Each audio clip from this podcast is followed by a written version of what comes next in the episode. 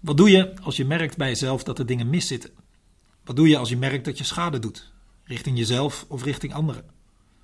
Wat doe je met de dingen in je verleden waar je stuk hebt gemaakt, waar je fouten hebt gemaakt? Wat doe je met de donkere kanten uit je verleden? Wat doe je met die donkere kanten van jezelf, die lelijke gedachten, die jaloezie, die bitterheid, dat egoïsme? Ik weet het niet precies, maar ik heb het vermoeden, ook als ik naar mezelf kijk, dat we proberen zo min mogelijk bij dit soort dingen stil te staan. Snel onze gedachten een andere kant op sturen. Misschien als dat niet lukt, dan proberen we de zelfhulp uit. Manieren om onszelf weer snel beter te voelen. In het onzinnige idee dat als we het niet zien, als we het geen aandacht geven, als we het niet voelen, het er dan ook niet meer is. Maar het zit er wel. En het komt toch wel weer naar boven.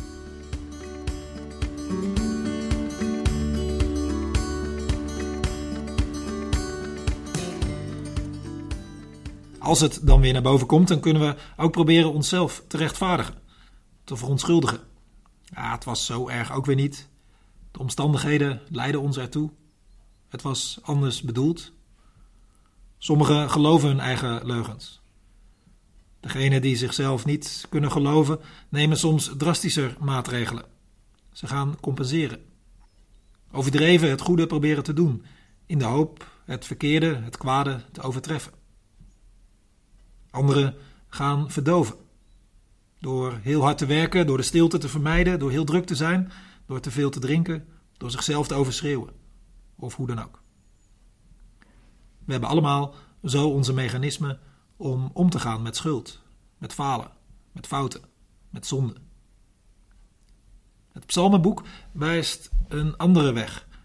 Het psalmenboek geeft onder andere zeven boetepsalmen, die specifiek willen helpen bij dit soort schuld- en boetezaken. Psalm 6 is één van de zeven boetepsalmen in het psalmenboek. Eén van de zeven psalmen die mensen zoals wij willen helpen om boete te doen, spijt te betuigen, om om genade te smeken. We lezen Psalm 6. Voor de koorleider bij snarenspel op de wijs van de achtste, een psalm van David. Heer, straf mij niet in uw woede, tuchtig mij niet in uw toren. Heb erbarmen, Heer, want ik kwijn weg. Genees mij, Heer, ik ben doodsbang.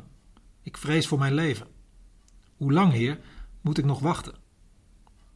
Keer terug, Heer, spaar toch mijn leven. Toon mij uw trouw en red mij. Want doden noemen uw naam niet meer. Wie in het dodenrijk kan u nog loven? Moe ben ik van zuchten. Elke nacht is mijn kussen nat. Mijn bed doorweekt van tranen. Mijn ogen zijn gezwollen van verdriet. Rood omrand van alles wat mij benauwt. Weg van mij, alle die kwaad doen. De Heer hoort hoe luid ik ween. De Heer hoort mijn roep om erbarmen. De Heer neemt mijn smeekbeden aan. Beschaamd en doodsbang keren mijn vijanden om, in een oogwenk met schande bedekt. Zo bidden als Psalm 6 doet, dat doen wij niet als vanzelf. Ik merk bij mezelf dat ik geneigd ben dit type gebed uit de weg te gaan. Niet zo nodig vind, of al gauw te zwaar, of het uitstel. Ik denk niet dat ik te veel zeg als, als dit niet de meest favoriete vorm van gebed is. Maar de psalmen die ons willen leren bidden, ook met vormen van gebed die ons misschien niet zo liggen, maar die wel goed voor ons zijn. Die psalmen leren ons ook om vergeving te vragen, om boete te doen. En daarmee duwt ze ons richting een vorm van gebed die we vanuit onszelf vermijden. Daar wijst ook dat begin van Psalm 6 op, een begin dat je zo vaak in de psalmen vindt, voor de koorleider. Dat wijst op het bestaan van iemand die de verzamelde Israëlieten voorging in gebed. Diegene leidde het gebed. En zo'n koorleider, zo'n voorganger in gebed, ging dan zijn mensen voor, in dit geval, in boetedoening. En de mensen die volgden. En wij, als wij vandaag stilstaan bij Psalm 6, wij worden er opeens ook in meegetrokken. Doordat ik die psalm net las en er nu over spreek. En als wij Psalm 6 lezen, dan worden we gevraagd om mee te gaan. Om ook boete te doen. En dan niet boete te doen op de manier waarop dat in ons spraakgebruik is gaan klinken om jezelf te straffen of jezelf te kwellen. Nee, boete doen is bij de psalmen eerlijk worden, toegeven, smeken om vergeving. En we krijgen dan in Psalm 6 woorden van iemand die er zwaar doorheen zit. Hij heeft gezondigd. Hij heeft zwaar gezondigd. Hij weet dat hij de woede van God op zijn hals gehaald heeft. Dat hij straf verdient. Maar hij weet ook dat hij nu wegkwijnt. Hij kwijnt weg in angst. Hij zucht. Hij huilt. Hij zit klem door wat hij gedaan heeft. En hij vergelijkt zichzelf met iemand in doodsnood. Iemand die doodziek is. En hij smeekt dan om genade, om erbarmen van God. Hij smeekt dat God terugkomt, dat God hem redt, hem spaart. En dat doet hij in allemaal heel directe zinnetjes. Straf mij niet, tuchtig mij niet, heb erbarmen, genees mij, keer terug, spaar toch, toon mij uw trouw en red mij. Typisch de taal die je in psalmen terugvindt. Geen taal die bol staat van informatie. Nee, dit is ook geen abstracte taal, geen formele taal, geen wollige taal. Dit is directe, persoonlijke, heel basale taal. Het zijn overlevingskreten, smeekbeden. Er wordt geroepen. Dit is bidden volgens de psalmen. En Psalm 6 geeft ons op deze manier woorden om vergeving te vragen, om spijt te betuigen en om genade te vragen. Er volgen in deze psalm geen verontschuldigingen. Er wordt niet geprobeerd om het mooier te maken dan het was. Er wordt ook niet overheen gepraat. Er wordt gesmeekt om genade. Het valt op dat in al die directe zinnetjes voortdurend God aangesproken wordt. Niet alleen bij de aanhef, maar voortdurend wordt Gods naam genoemd. In die elf verzen acht keer. Steeds met het woord Heer, met Gods eigen naam. Die naam die ergens onuitsprekelijk was en die zoveel betekent als ik ben die ik ben. Of ik ben er. Zo doet deze psalm een beroep op Gods naam. Die naam waarvan God had gezegd: Zo wil ik voor altijd heten. Met die naam wil ik worden aangeroepen door alle komende generaties. Exodus 4. En later had God zich nogmaals van zich laten horen en had gezegd over zichzelf: een God die liefdevol is en genadig, geduldig, trouw en waarachtig. Die duizenden geslachten zijn liefde bewijst. Die schuld, misdaad en zonde vergeeft, maar niet alles ongestraft laat. Exodus 34. Toen God zich zo had laten kennen in Exodus 34, begon Mozes gelijk om vergeving te bidden. Hij zag direct heel veel ruimte voor vergeving bij God. En op dat gebed van Mozes herstelde God ook het verbond met zijn mensen. En Psalm 6 doet een beroep op diezelfde God die veel ruimte laat voor vergeving, voor herstel van de band. Die niet alles door de vingers ziet, maar blijkbaar wel genadig wil zijn. De naam van God noemen in het gebed is het touw beetgrijpen waarmee je opgetrokken kan worden uit de modder van schuld, uit het slijk van de zonde.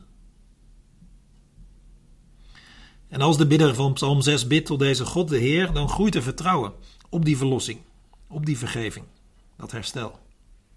Hij zegt dat aan het einde ook in vers 9 en 10. De Heer hoort hoe luid ik ween. De Heer hoort mijn roep om erbarmen. De Heer neemt mijn smeekbeden aan. Door te bidden, blijkbaar, groeit het besef van verlossing.